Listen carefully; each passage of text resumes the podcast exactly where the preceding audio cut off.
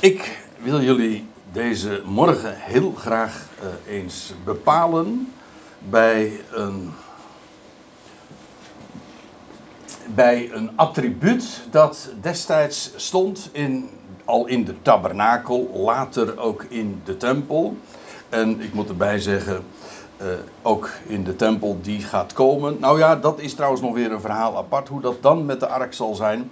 Maar in ieder geval, uh, het centrale punt uh, in die, dat heiligdom dat God ooit op aarde ja, heeft laten plaatsen toen hij de eredienst aan Israël gaf. En ik heb het als titel meegegeven, het zogenoemde verzoendeksel. Want uh, ja, nou ja, ik, ik heb er een beetje moeite mee. Ik zal u straks ook het, het juistere woord ervoor weergeven. Nadeel daarvan dan is weer dat uh, het woord niet zo bekend is. Als ik zeg van de beschutplaats, dan denkt u, waar heb je het nu over? En als, u, als ik zeg verzoendeksel, dan weet u waar ik het over heb. Maar het probleem daarmee is dat het geen verzoendeksel is. Uh, alleen, we noemen het zo. Maar goed, daar kom ik straks nog even op terug. Vandaar dus dat zogenoemde. En waar ik het over heb, is ja, dat wat, we, wat zich in het heiligdom bevond. En dat kan ik natuurlijk gaan laten zien aan de hand van uh, wat er staat geschreven in Exodus en Leviticus en alle instructies die God aan Mozes had gegeven aan, voor Israël om een heiligdom te ontwerpen en alles wat erin moest staan en de maat, et cetera. Maar ik kan het ook doen aan de hand van wat we lezen in de Hebreeënbrief, waarin Paulus, laat ik zijn naam dan gewoon maar verklappen, want ik denk toch echt dat het uh, Paulus is geweest die deze brief heeft geschreven. Uh, maar doet niet zo ter zake als u zegt van ik noem het liever gewoon de schrijver. Oké, de schrijver van de Hebreeënbrief. Uh, die geeft namelijk ons een inkijkje, dat is een leuk woord in dit verband, uh, in dat heiligdom. Want hoe was dat? Nou, dit is echt zo'n inkijkje, want er is gescheurd. Met recht, want u weet, je had de tabernakel, want daarover hebben we in eerste instantie dan. En dat was een een omheinde ruimte. En als je daar dan uh, via de poort, die nogal wijd was, u weet het, hè, God houdt van een wijde poort. En uh, er was er maar één, dat wel, maar het was een wijde poort. En als je daar dan doorheen ging, dan kwam je bij het brandofferaltaar. Uh, ja, dat zie je niet op dit plekje, plaatje. Maar dan, en als je dan nog even doorliep, dan kwam je bij het, het koperen wasvat. En als je dan vervolgens uh, doorliep, dan kwam je in het eigenlijke heiligdom. Maar dat heiligdom bestond feitelijk uit twee afdelingen. En eerst kwam je dan in het heilige. En als je dan vervolgens in de tweede tent kwam, of in de, ja, de tweede afdeling, nog weer doorliep, kwam je in het heilige der heiligen. Dit is even een, een dwarsdoorsnede, de, de gordijnen. Want ja, dat, dat heiligdom, daar kon je niet in kijken. Dat wil zeggen, het was, ja, het was helemaal overdekt met, met, uh, met kleden, met allemaal specifieke kleuren. Alles wordt zo geïnstrueerd en alles heeft betekenis.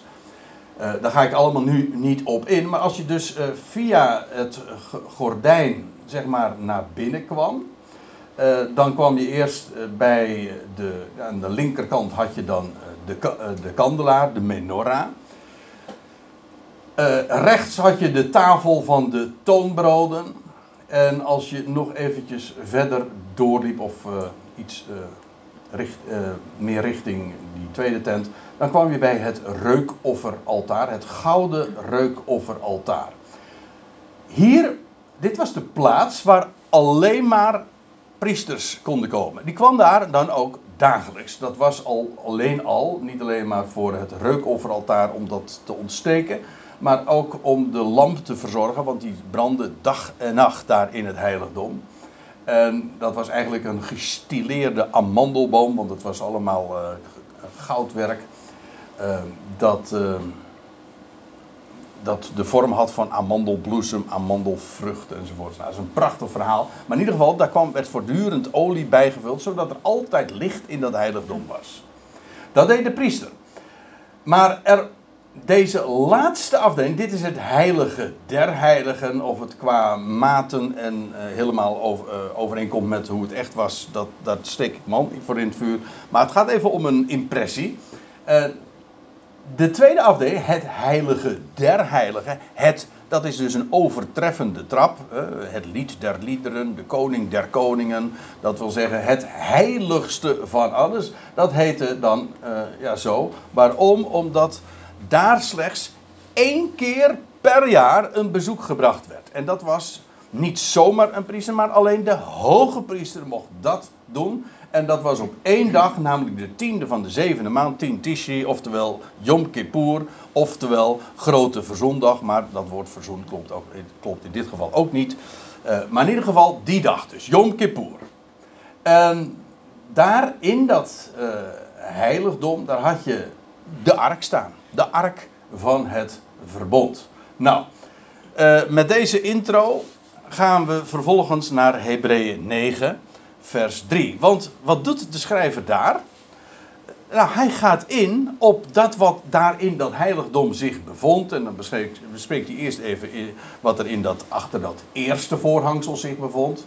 En dan gaat hij in vers 3 vervolgens uh, uh, verder met wat er achter het tweede gordijn was. Het tweede voorhangsel, of hoe je dat ook maar noemen wil. Nou, dan staat er, en achter het tweede gordijn was een tent die genoemd wordt het heilige der heiligen. Het allerheiligste. En, en dan staat er hebbende een gouden reukwerkvat. Ik, kan me herinneren, ik weet niet meer uh, wanneer dat geweest is, bij welke gelegenheid, dat we het er daar wel eens een keer over gehad hebben. Dit is een beetje een problematisch puntje, want als je dit namelijk leest in eh, de MBG-vertaling, dan, wordt dan staat er het reukofferaltaar. Maar dat klopt niet, want het reukofferaltaar bevond zich niet in het heilige der heiligen. Dat bevond zich in het heilige. Hier, dit. Dus uh, de weergave van de NBG-vertaling die deugt niet. Ik ga dat nu even, ik laat dat voor wat het is. Het gaat niet over een, uh, het, uh, een reukofferaltaar, maar een reukwerkvat. En dat klopt wel, want dat bevond zich inderdaad daarbij in dat heilige in het, pardon, in het heilige der heiligen, waar de hoge priester dan uh, eens per jaar kwam bij, bij die ark van het verbond. En dat is hier dus een plaatje van. Hij heeft hier ook zo'n zo'n uh, reukwerkvat uh, in zijn handen. Dat, werd, dat, dat deed bij die gelegenheid ook dienst. De hoge priester droeg ook in, bij die gelegenheid, die ene datum dus, die ene dag van het jaar, droeg hij een linnen kleed. Niet zijn, zijn, zijn eigenlijke gewone hoge priesterlijk gewaad, dat hemelblauw was. Ja, dat vind ik wel mooi, want hemelblauw past bij jou, toch? Hè? Zeker bij een hoge priester. Ja, nu zegt, oh, daarom heb je dat jasje aan. Ja, dat klopt, ja. Ja, overal is over nagedacht. Hè? Oh, uh, ja, ik moet... Uh, ik ga te veel naar links, hè. De weg van de dwaas die voert zich naar de links, staat er in de prediker. Doe ik ook. Nou ja, dan weet u dat. Aange Uh, hebbende een gouden reukwerkvat.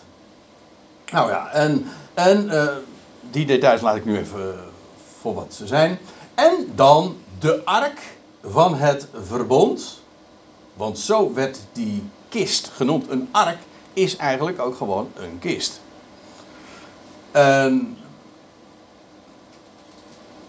net als dat woord dus wat we ook tegenkomen voor... Uh, ja, nee, niet de ark van Noach. Dat is weer een ander woord. Dat is, dat, bieze, dat is weer hetzelfde woord als dat biezenmandje waar we het een keer over gehad hebben. Waar Mozes ingelegd was. Dit, dit is het woord wat één keer in Genesis gebruikt wordt, als ik me niet vergis. En dat is als uh, Jozef overleden is. En dan wordt hij in een kist gelegd. En dat is dit woord gewoon. Dus het is eigenlijk gewoon een doodskist. Maar en dat is het wonderlijke van deze kist. Het spreekt van leven. In alle opzichten. Uh, uh, rondom, uh, van alle kanten spreekt het van onvergankelijk leven. En nou zeg ik precies wat hier ook staat. Dat wil zeggen, als je een klein beetje geoefende typologische oren hebt, dan weet je meteen ook dat goud spreekt van onvergankelijkheid. Dat is vrij algemeen bekend. Want ja, hoe is het? Je hebt allerlei metalen. Uh, maar al die metalen die, ja, die, die worden aangetast door roest. Door, is, kan zich verbinden met zuurstof. Maar er, zijn, er is één zo'n edelmetaal. dat dat niet doet. Dat onvergankelijk is, dat roest niet. Daarom is goud ook, ja, staat voor onvergankelijkheid.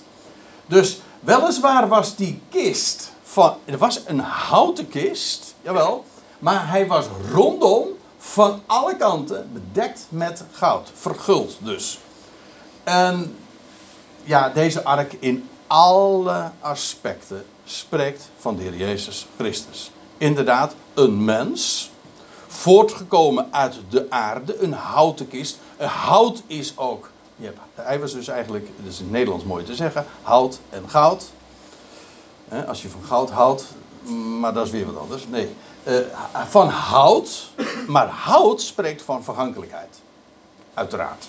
Dat ja, vermomd. Maar in dit geval, het is hout, spreekt van vergankelijkheid, van sterfelijkheid. Maar overtrokken, bedekt met goud. Met onvergankelijkheid. En als ik het zo zeg, dan begrijp je eigenlijk ook meteen dat het spreekt van hem die stierf. Hout. De kist. En vervolgens opgewekt werd in onvergankelijkheid. Nou, en dat is die kist. En dat is het meest centrale onderdeel van de, ja, en vandaar ook de locatie in het heilige der heiligen. En als je nu vraagt van ja, waar hoort hij? Waar hoort de Heer Jezus Christus nu? Nou, precies daar.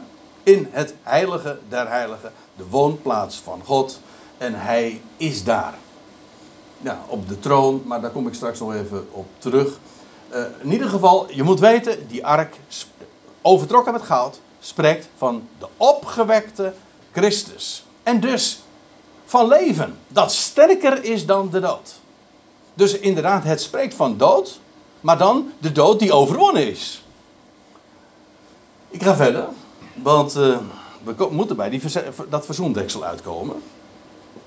Uh, en daar was nog ook, uh, dat, daarin bevonden zich nog een aantal attributen.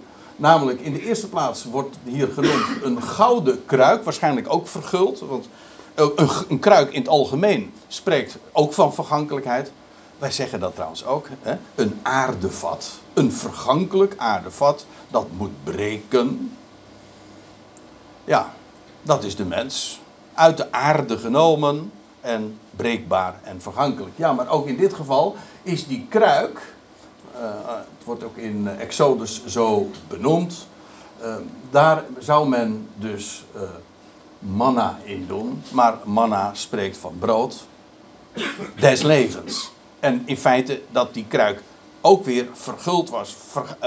of van, overtrokken is met goud. Ja, spreekt van hetzelfde als waar ik het net over had. Namelijk van die ark die een houten kist, maar overtrokken met goud. En dit was. En in die ark bevond zich dus uh, of in. Daarnaast, daar is wat discussie over hoe dat nou precies uh, toen was. ik, ik, ik skip dat even, doet ook niet zoveel ter zake. Maar in ieder geval, waar, hier staat, waarin was een gouden kruik met manna. Ik vind het niet echt een kruik, maar goed, u begrijpt wat het idee is. En manna spreekt inderdaad van dat brood dat uit de hemel komt. Uit, ja, brood uit de hemel. Het brood van het leven. En oftewel, een gouden kruik. En linksom of rechtsom, of je zegt een gouden kruik, maar dan zeg je ook van de dood die is overwonnen. Of ik zeg het is manna, ook dan spreek je over het brood des levens. Nou, we gaan verder en je zult zien dat we in alle opzichten bepaald worden bij inderdaad Christus, die stierf, wat meer is, de opgewekte, die overtrokken is met goud. Daarin bevond zich nog iets en dat is namelijk de staf van Aaron. U weet wel, die hoge priester, de eerste hoge priester, die uh, de staf van Aaron die gebloeid had. Uh, nou, het plaatje is niet zo uh, heel scherp, maar het idee is, uh, nou, er was discussie in Israël over ja, wie is nou de, hoge, de rechtmatige hoge priester. En toen heeft God de hoge priester van zijn keuze aangewezen. Je vindt die geschiedenis in nummer 17. En dan moesten staven, dat is meervoud van staf, moesten staven moesten gelegd worden in het heiligdom. En, ja, en God zou de volgende morgen aanwijzen wie de nieuwe dag, na de nacht, hè, op de nieuwe morgen zou hij de hoge priester van zijn keuze aan Israël aan, uh, aangeven. En wat gebeurt er? De nacht was voorbij. En welke staf had gebloeid? Die van Aaron. De staf van de hoge priester. En ja, een staf, je zou zeggen dat is dood. Nee, de staf in de Bijbel spreekt van leven. Daar zijn heel veel voorbeelden van te geven. En een staf dient ook om, ja, staan, om te staan en op te staan en staande te blijven. En die staf, dat is ook die ons vertroost. Dat vind ik wel zo mooi in Psalm 23. Al ga ik door een dal van schaduwen van dood. Dus als ik door een dal ga, een diepte, en in feite is dat de weg die de mens in het algemeen gaat. En je gaat door een dal dat overschaduwd wordt door de dood. Een dal van schaduwen des doods. Als de dood zijn schaduw vooruit werpt. Wat vertroost je dan? Ik ben er deze week heel erg bij bepaald, want met een tweetal overlijdens, een van een goede kennis, een van een zeer goede vriend, eh, die eh, beide deze komende weken begraven gaan worden. Nou, dan gaat dit woord ook klinken, namelijk van de, van de staf die inderdaad vertroosting geeft. Hè. Al ga ik door een dal van schaduwen des doods, dan is het uw stok en uw staf die mij vertroosten. Die staf spreekt namelijk van leven dat voortkomt uit de dood en sterker is dan de dood. En dat het amandelbloesem is. En dat spreekt van het eerste wat uh, in het voorjaar tot bloei komt. De eersteling uit de doden. Nou ja. En vandaar ook dat die kandelaar van amandelbloesem was. Ja, hebt u hem nog? Ja, ik, geef toe dat ik een beetje van het een naar het ander skip. Maar uh, dan zie je ook de verbanden. Nou, die staf die had gebloeid en zo had God zijn keuze gemaakt. Dus die staf ja, spreekt van wie is de hoge priester? Dat is degene die bij wie geëtaleerd was dat het leven sterker is dan de dood. En dan had, was daar nog iets, en dat was uh, misschien wel het allerbekendste ook. En het uh, ja, belangrijkste weet ik niet of ik dat zo mag zeggen. Maar het wordt ook inderdaad de ark, geloof ik, genoemd van de tafelen van het verbond. Uh, de tafels, de, de platen, tablets. Hè? Ja, ja, die had Mozes ook al tablet. En, uh, maar ik moet, oh ja, dat is ook een mooi verhaal natuurlijk. Hè, want uh, ja, dat was het tweede stel. U zegt, wat was er mis dan met het eerste stel? Nou, dat was stuk gelopen. Mozes was nog niet op, bij het, de, het legerkamp aangearriveerd. En toen was de, toen, als de wet, voordat de wet op de mens gelegd wordt, is het al gebroken. Dat typerend. Voordat de wet op het vlees gelegd wordt, ja, dan is het eigenlijk al, dan is het al mis. Dat, de mens is, het demonstreert gewoon de Bijbelse waarheid dat geen vlees zal roemen voor God en dat uit werken der wet geen vlees gerechtvaardigd wordt. Onmogelijk. Maar is dat een probleem? Dat is helemaal geen probleem, want dat was ook allemaal design. Want God moest eh, dan tegen Mozes dat er een tweede stel, stel zou uh, komen. Een tweede zet van stenen daar. En dat werd veiliggesteld. Dat werd niet op de mens gelegd, dat werd bewaard ja, in dat, ja, goh, nou moet ik wel heel ver terug gaan. In die kist. De wet werd gelegd in het binnenste van die ark. Zoals de Heer Jezus stelt trouwens ook profetisch al zegt in, in, uh, in, uh, in Psalm 40, als ik me niet vergis. Waar staat, uw Torah is in mijn binnenste. Trouwens, dat geldt voor het hele volk van Israël straks ook. Dan wordt de wet in, in hun harten geschreven. Maar voor de Heer Jezus als de ark was dat ook de waarheid. Eh, zijn woord, het woord van God en de tafelen, eh, was in zijn hart geschreven. Hij wist namelijk ook dat het niet op de mens gelegd wordt, maar dat het een belofte is. En daarom is het ook in het hart geschreven, want dan ga je er ook van houden. Van die wet ga je houden op het moment dat je realiseert: God belooft hier. Gij zult een vader van vele volkeren worden. Gij zult de Heer uw God liefhebben. Wauw, geweldig dat, dat u dat belooft, God. Ja, dat, zo wordt het meestal niet opgevat, hè. Wordt altijd opgelegd. En uh, geheid ook dat je, ja, het breekt de mens ook, trouwens. Als dat zo gebeurt. En het breekt die wet ook dan blijft daar niks van over. Nee, waar wordt het veiliggesteld? Wel in die ark. In, ja, in de Christus, de opgewekte Christus.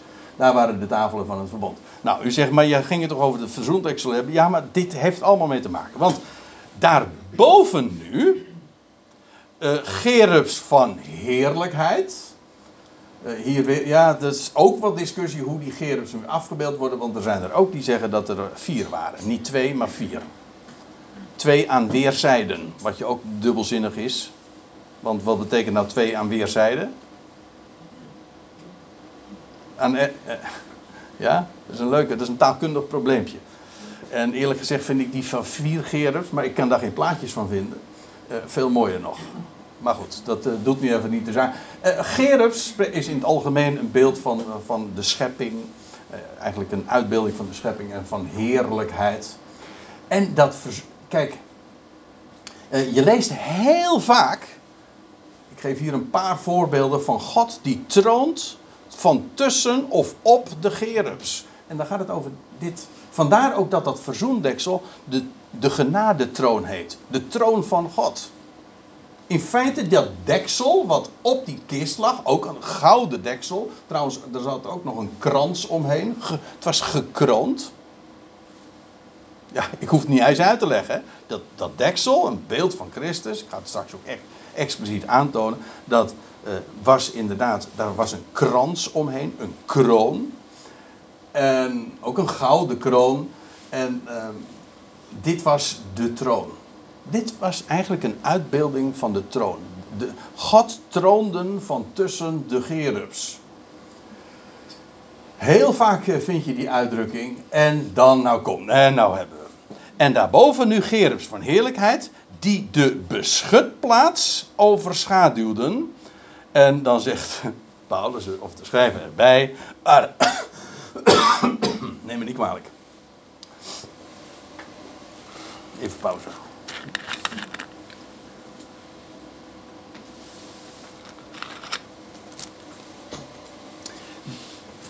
Uh, Paulus zegt er dan bij, of te schrijven, waarover we nu niet stuk voor stuk spreken. Hij zegt het wel, maar hij zegt: ik, ga daar nu, ik, ga, ik treed nu niet in uh, bijzonderheden hierover.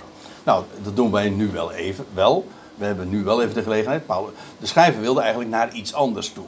Dus hij zegt: van, Ik noem het nu, ik stip het aan, maar that's it. Uh, daar laat ik het bij, want er is, dat is. Uh, ja, dat is een heel verhaal. Daar is zoveel over te melden. eventjes dit: de beschutplaats. hoe zit dat nou? Nou, in de NBG-vertaling, Statenvertaling, wordt dit gewoon standaard het verzoendeksel genoemd. In het Grieks staat hier het woord hilasterion. En dat verwijst dus, dat is discussie niet, het, gewoon, het verwijst gewoon naar, dat, naar die deksel uh, waar die gerubs zeg maar uh, hun schaduw op wierpen. En waar die, hun aangezichten waren ook richting dat deksel en dat wat daaronder ligt die kant keken ze op. En daarop waren ze georiënteerd. Op die gouden kruik dus. En op die stenen, dat tweede stenen tafelenzet. En, um, de, en de, de staf die gebloeid had. Ja, die. Nou, en daar had je dus die. Dit was die, dat deksel. En dat heet in het Grieks hilasterion. In het Hebreeuws heet het kaporet. En dat is afgeleid. Dat moet ik nu even zeggen. Om toch even duidelijkheid te verschaffen eh, van het werkwoord kafar. En dat heb ik zojuist al even in iets ander eh, verband genoemd, namelijk kippur. He? Heeft allemaal uh, kippur, kaporet, uh, kafar. En dat woord ja, wordt meestal vertaald met verzoenen, maar dat is niet het geval. Uh, het, het, is, het woord zelf betekent gewoon bedekken. Of in de zin ook van beschermen of beschutten. Heel interessant, de eerste keer dat dat woord genoemd wordt, dat kafar, of nou ja, dat, dat die woordfamilie aan, uh, aangeduid wordt, dat is in verband met de geschiedenis van de ark, de ark van Noach.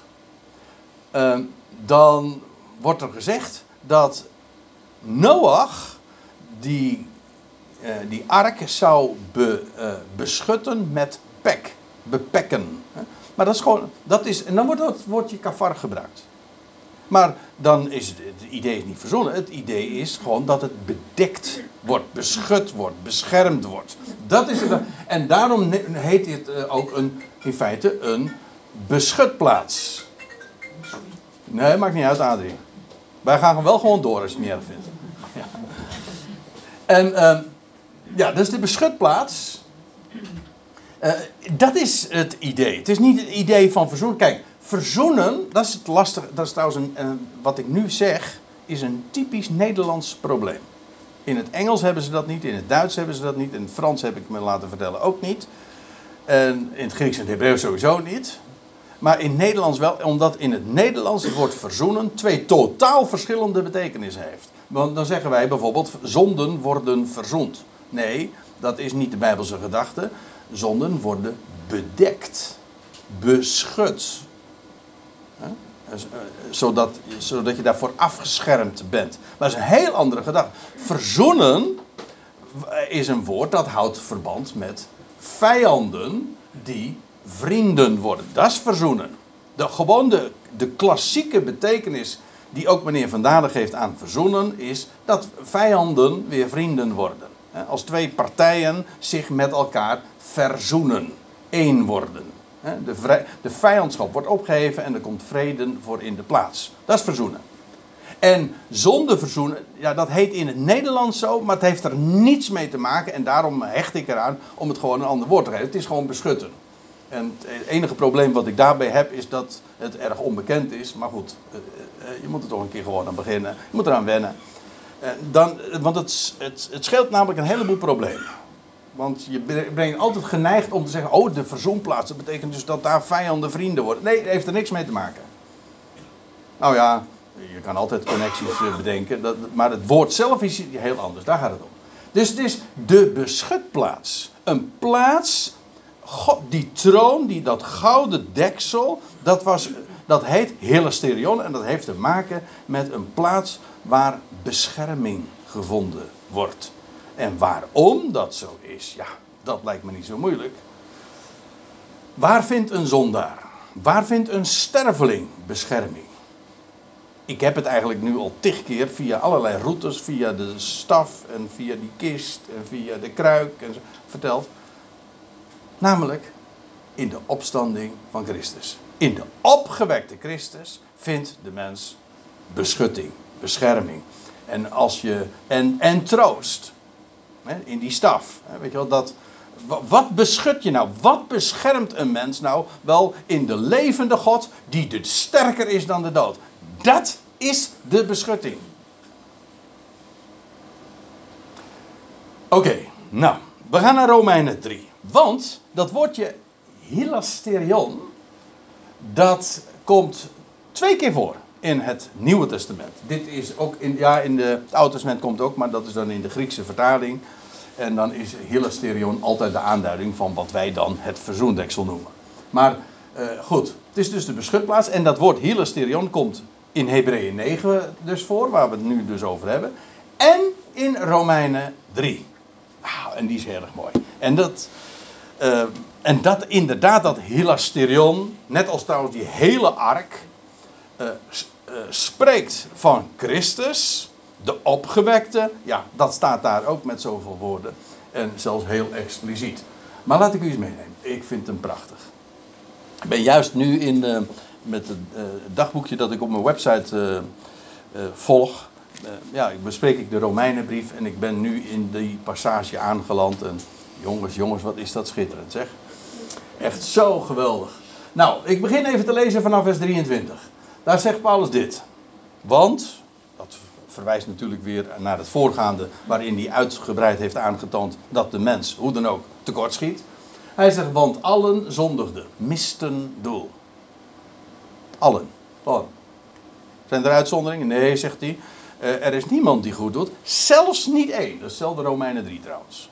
Dus inderdaad, allen is inderdaad allen. Dat is nogal simpel. Dus uh, u hoeft zich niet meer te voelen dan uw buurman of minder, want we zitten allemaal in hetzelfde schuitje. Ja, die ark, ja. Uh, we zitten allemaal in hetzelfde schuitje. En we, we vallen allemaal in die categorie van zondaren, doelmissers. allen zondigen. En hebben tekort van de heerlijkheid van God. En hoeveel tekort, dat verschilt. We hebben alle, de mens heeft, heeft, heeft nog eh, allerlei overblijfselen, als ik het zo mag zeggen. Eh, restanten van Gods heerlijkheid. Natuurlijk heel veel in ons ja, als creatie herinnert nog aan Gods heerlijkheid. En bij sommigen schittert dat nog, klinkt dat nog en, ligt dat nog meer door. En door omstandigheden en afkomst en door waar je, waar je wie gestaan heeft enzovoort. Kan dat heel erg dof geworden zijn, zodat, je, zodat het helemaal duister is geworden. Maar de overeenkomst is, er is verschil. Maar de overeenkomst is dat allen tekort hebben van de heerlijkheid van God. Allemaal gezakt. En of je nou. Hè? Ja, ik heb daar altijd een mooi voorbeeld van over dat gezakt. Maar ja, eh, je kan zeggen: ja, ik ben bijna geslaagd. Nou ben je gezakt dus. Dat dus. Ja, en dat is het probleem. Of, of in ieder geval, ja, in feite wel. Allemaal, alle zondigen, allen hebben tekort van de heerlijkheid van God. En dit is iets wat in ons Calvinistisch Nederland natuurlijk maar al te goed weten. Ja, dit is de hele mensheid. En dan zeggen ze, ja, alle mensen. En dat is ook zo. Maar het is de opstap, geloof het of het geloof het niet. Het is de opstap, deze waarheid, naar de meest glorieuze waarheid. Namelijk dat als allen zondigden en allen tekortkomen.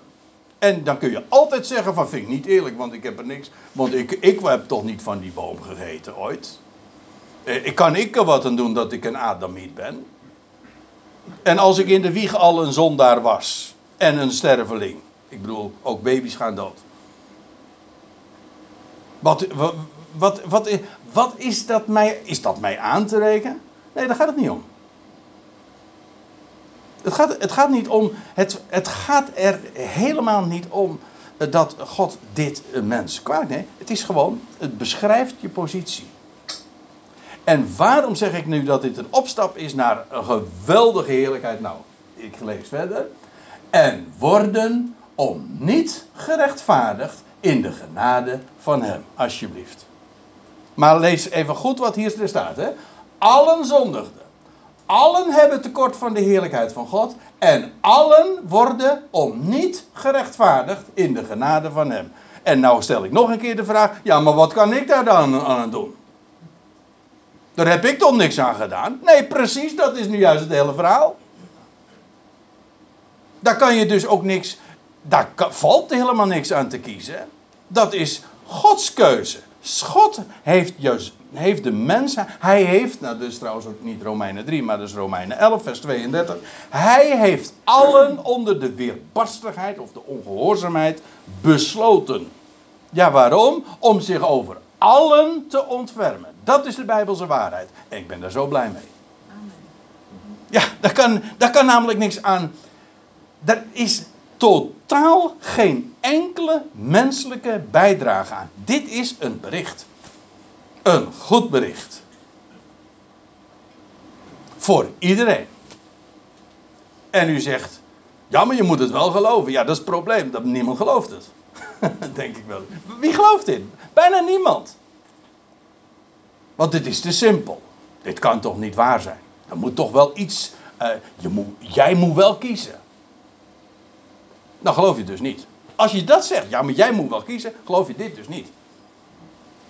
Dat is pijnlijk. Hè? Ja. Hé, hey, er zitten dus heel veel ongelovigen. Moet ik de zin nou afmaken of niet? Nou, nee, nee, doe ik niet. Je mag het zelf doen. Nee, maar wij denken bij ongelovigen, oh, dat zijn mensen die buiten de kerk zijn. De grap is dat ik buiten de kerk, uh, uh, als ik dit vertel, dan zie ik, lig, dan zie ik ogen glinsteren. Wauw, geweldig. Ik, mijn ervaring zegt het dus nu wel. Als ik het tegen mensen in de kerk zeg, die worden boos als je dit zegt. Dit kan niet. In het algemeen, dat is, religieus gezien is dit zo pijnlijk. Want dat betekent dus, ja, dat, religie is altijd gebaseerd van veel of weinig, maar je moet altijd wat doen. En hier is het om niet. In de, en als je het nog niet begrepen had, in de genade van Hem. Wauw. Door de verlossing die in Christus Jezus is. Die verlossing, dat is de vrijkoping dus. Hè? De losprijs die betaald is. En een losprijs wordt betaald uh, als iemand bijvoorbeeld gevangen is. Of uh, gekidnapt. En weet je wel, dan is iemand gevangen. En dan wordt er een prijs betaald. En die prijs wordt betaald. En met het oog op bevrijding. Dat is wat hier, uh, wat verlossing is. Het heeft dus te maken met een losprijs die betaald is. Met het oog op bevrijding. Nou, hoe was het ook alweer? 1 Timotheus 2. Er is één God. Over basale bijbelse waarheden gesproken. Er is één God. En ook één middelaar. Van God en mensen. De mens Christus Jezus. Die zichzelf gaf tot een losprijs voor, heb je het weer, voor allen. De prijs is betaald. Je bent gekocht en betaald. En waarom? Wel, ja, ter de prijs is betaald. Hij gaf zijn leven. Hij stierf voor jou. Niet zomaar een dood, maar de dood van het kruis. En dat deed hij voor allen. En waarom? Wel tot bevrijding. Hij stierf om nieuw leven aan het licht te brengen. Dat is die bevrijding. En inderdaad, drie dagen later werd hij opgewekt en hij is de eersteling en een garantie dat heel de mensheid en allen zullen volgen. En in dat nieuwe leven, ja, daarin is inderdaad de verlossing gelegen. Bevrijding. Niet alleen maar dat, je, dat de dood overwonnen is, maar daar in dat nieuwe leven is de zonde voorbij. Want wie gestorven is, is gerechtvaardigd van de zonde. dan ben je geen zondaar meer. En je bent met hem gerekend. En, en dat wat Christus nu is, ja, dat is, dat is het lot voor heel de mensheid. Ieder in zijn eigen rangorde. Volmaakt. Rechtvaardig. Het is niet moeilijk. Eh, ik vind het, dit is zo geweldig. Waarom? Dat, omdat het zo simpel is.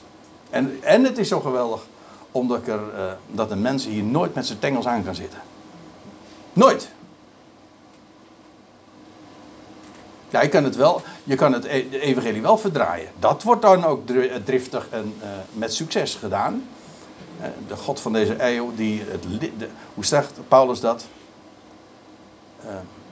de God van deze eeuw die de zinnen verblind heeft van het evangelie van de heerlijkheid van Christus. Maar als, als dit licht in je hart gekomen is, dit is zo on, onovertroffen. De verlossing in Christus Jezus. Oké, vers 25 dan. Hem, wie is die hem?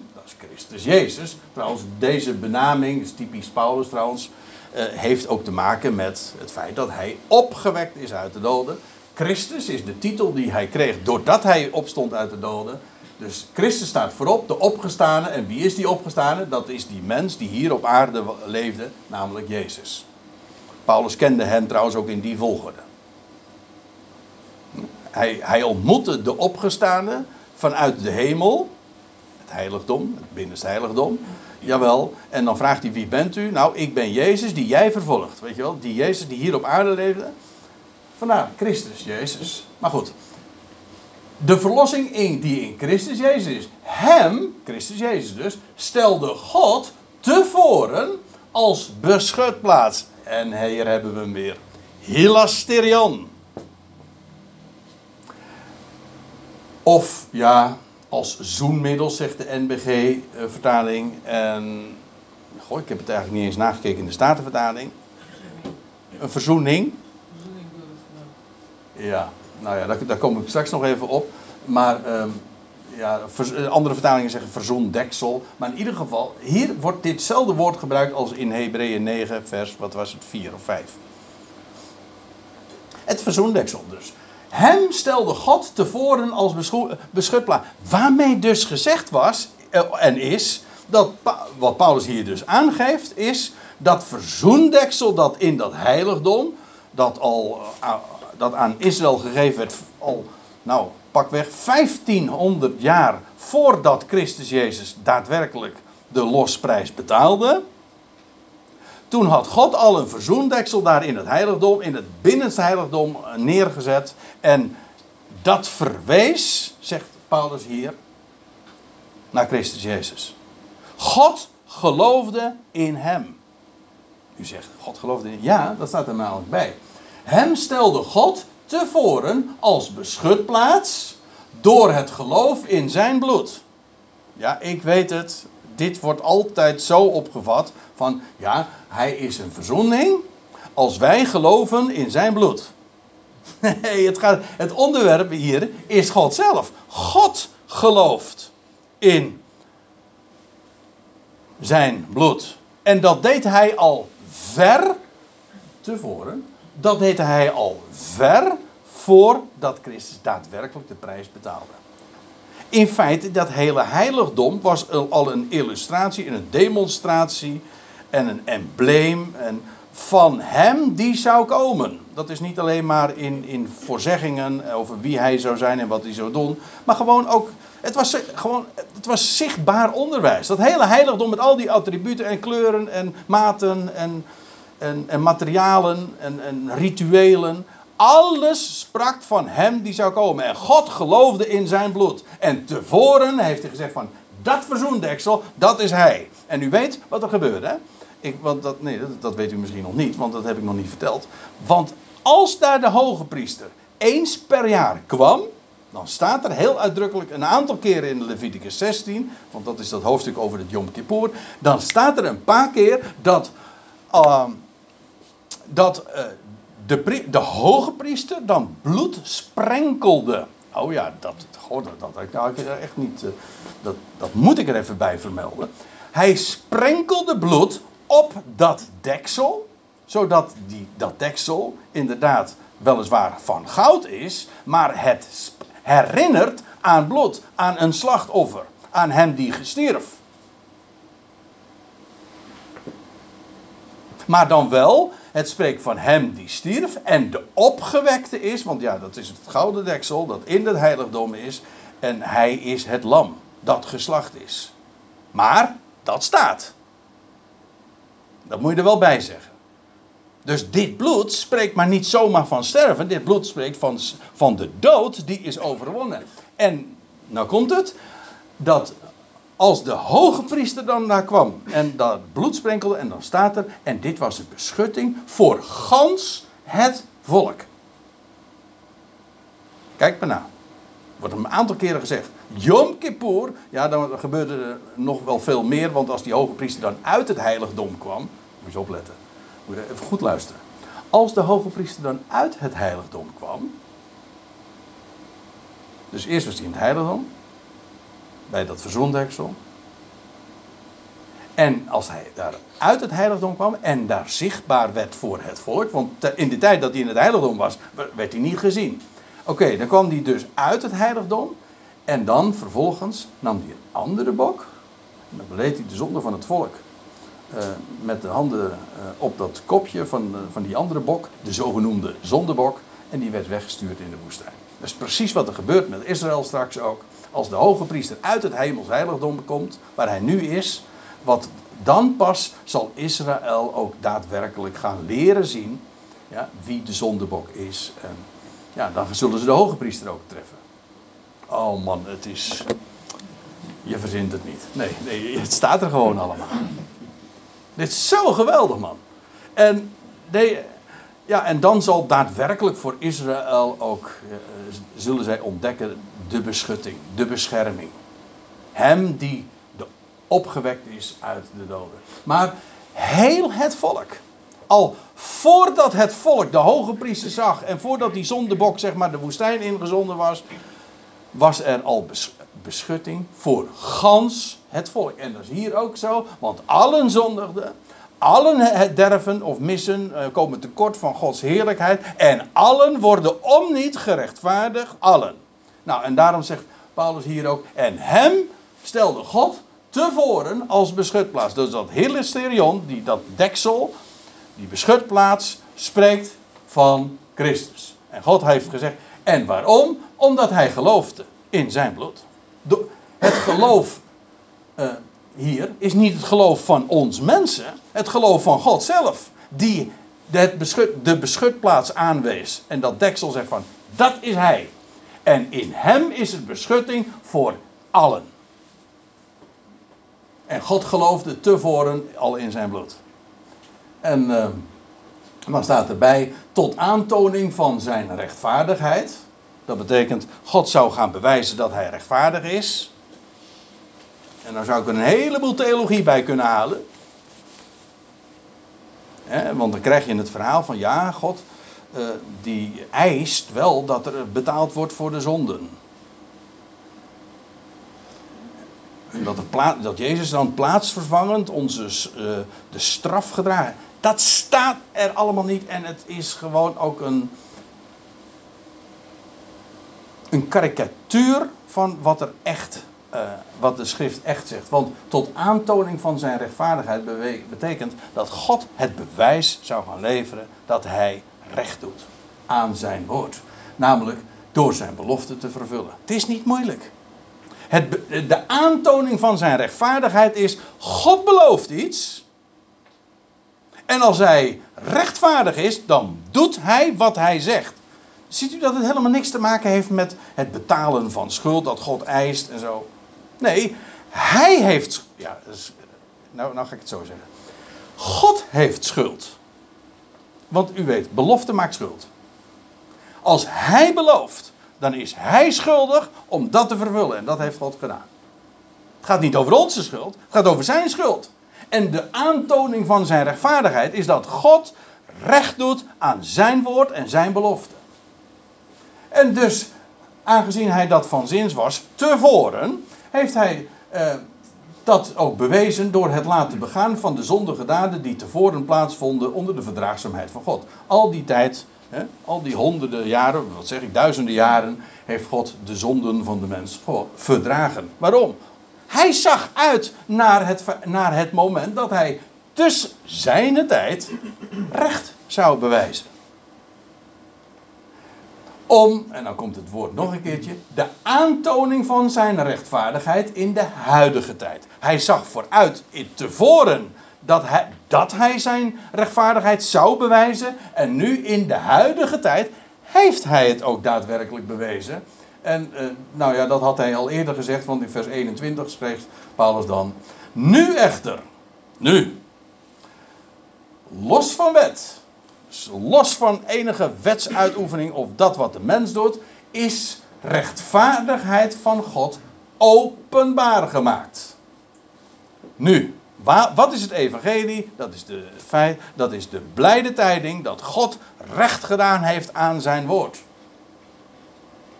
Namelijk zijn belofte. Nou, vandaar ook dat erachter staat waarvan getuigenis gegeven wordt in de wet en de profeten. Ja, want daar wordt de belofte zo uh, omstandig en op vele wijze aangegeven. Het is een wat ingewikkelde zin, dat is typisch Paulus. Je moet goed bij, bij Paulus nadenken, maar als je, als je het volgt, als je ogen daarvoor open gaan of je oren daarvoor open gezet worden in je hart, man, man, wat een, wat een licht stroomt er dan in. Want God heeft zijn rechtvaardigheid bewezen, aangetoond. Zodat hij zelf rechtvaardig is. Ja, als je je belofte vervult, dan ben je zelf rechtvaardig, toch? Maar dat niet alleen. En ook, staat er, rechtvaardigt die uit geloof van Jezus is. Dus hij is door zijn belofte te vervullen, bewijst hij rechtvaardig te zijn, maar daarmee ook dat hij degene rechtvaardigt, allen, die uit geloof van Jezus is. Want wat was nou het, geloof van Jezus? Ik had net over Christus Jezus, maar nu Jezus. Dat Jezus, degene die hier op aarde de weg ging van geloof. Toch?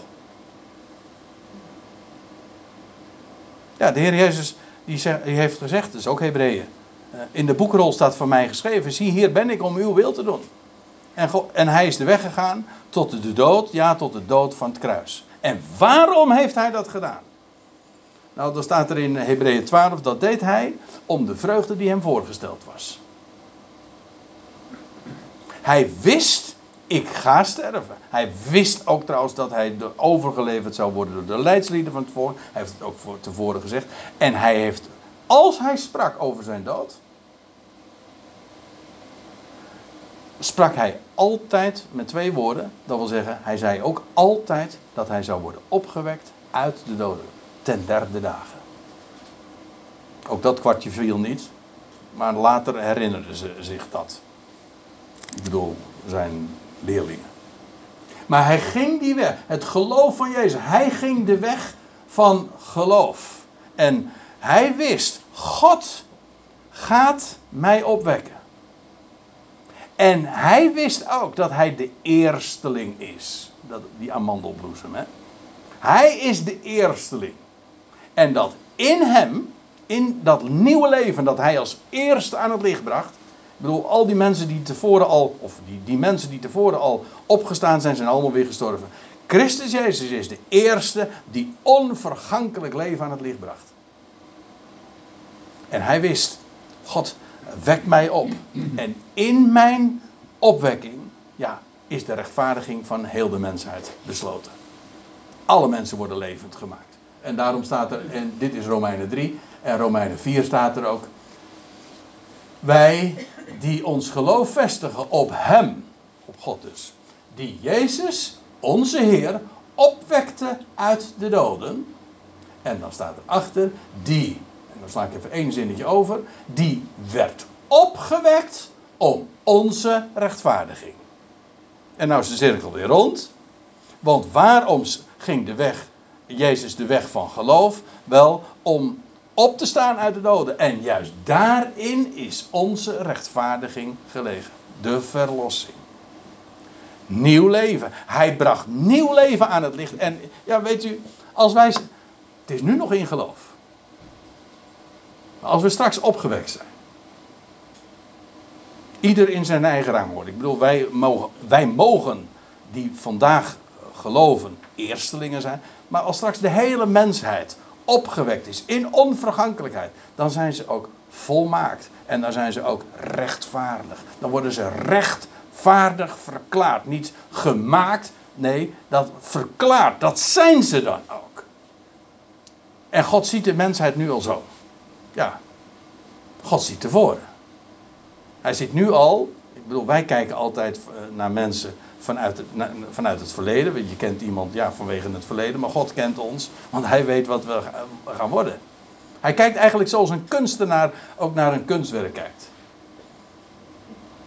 Ja, eh, als een beeldhouwer, ik, ik ben geen kunstenaar, maar, uh, of een, een, muzikant of een componist, die, die, die ziet al, ik, ik had, zo'n, ik had er om, en nog steeds trouwens, maar hij is nu geen timmerman meer. En uh, dan uh, moest hij gaan verbouwen. En dan, keek, dan kwam hij zo, uh, ik, ik, weet het nog, dan kwam hij zo. En, dan keek hij zo naar de kamer.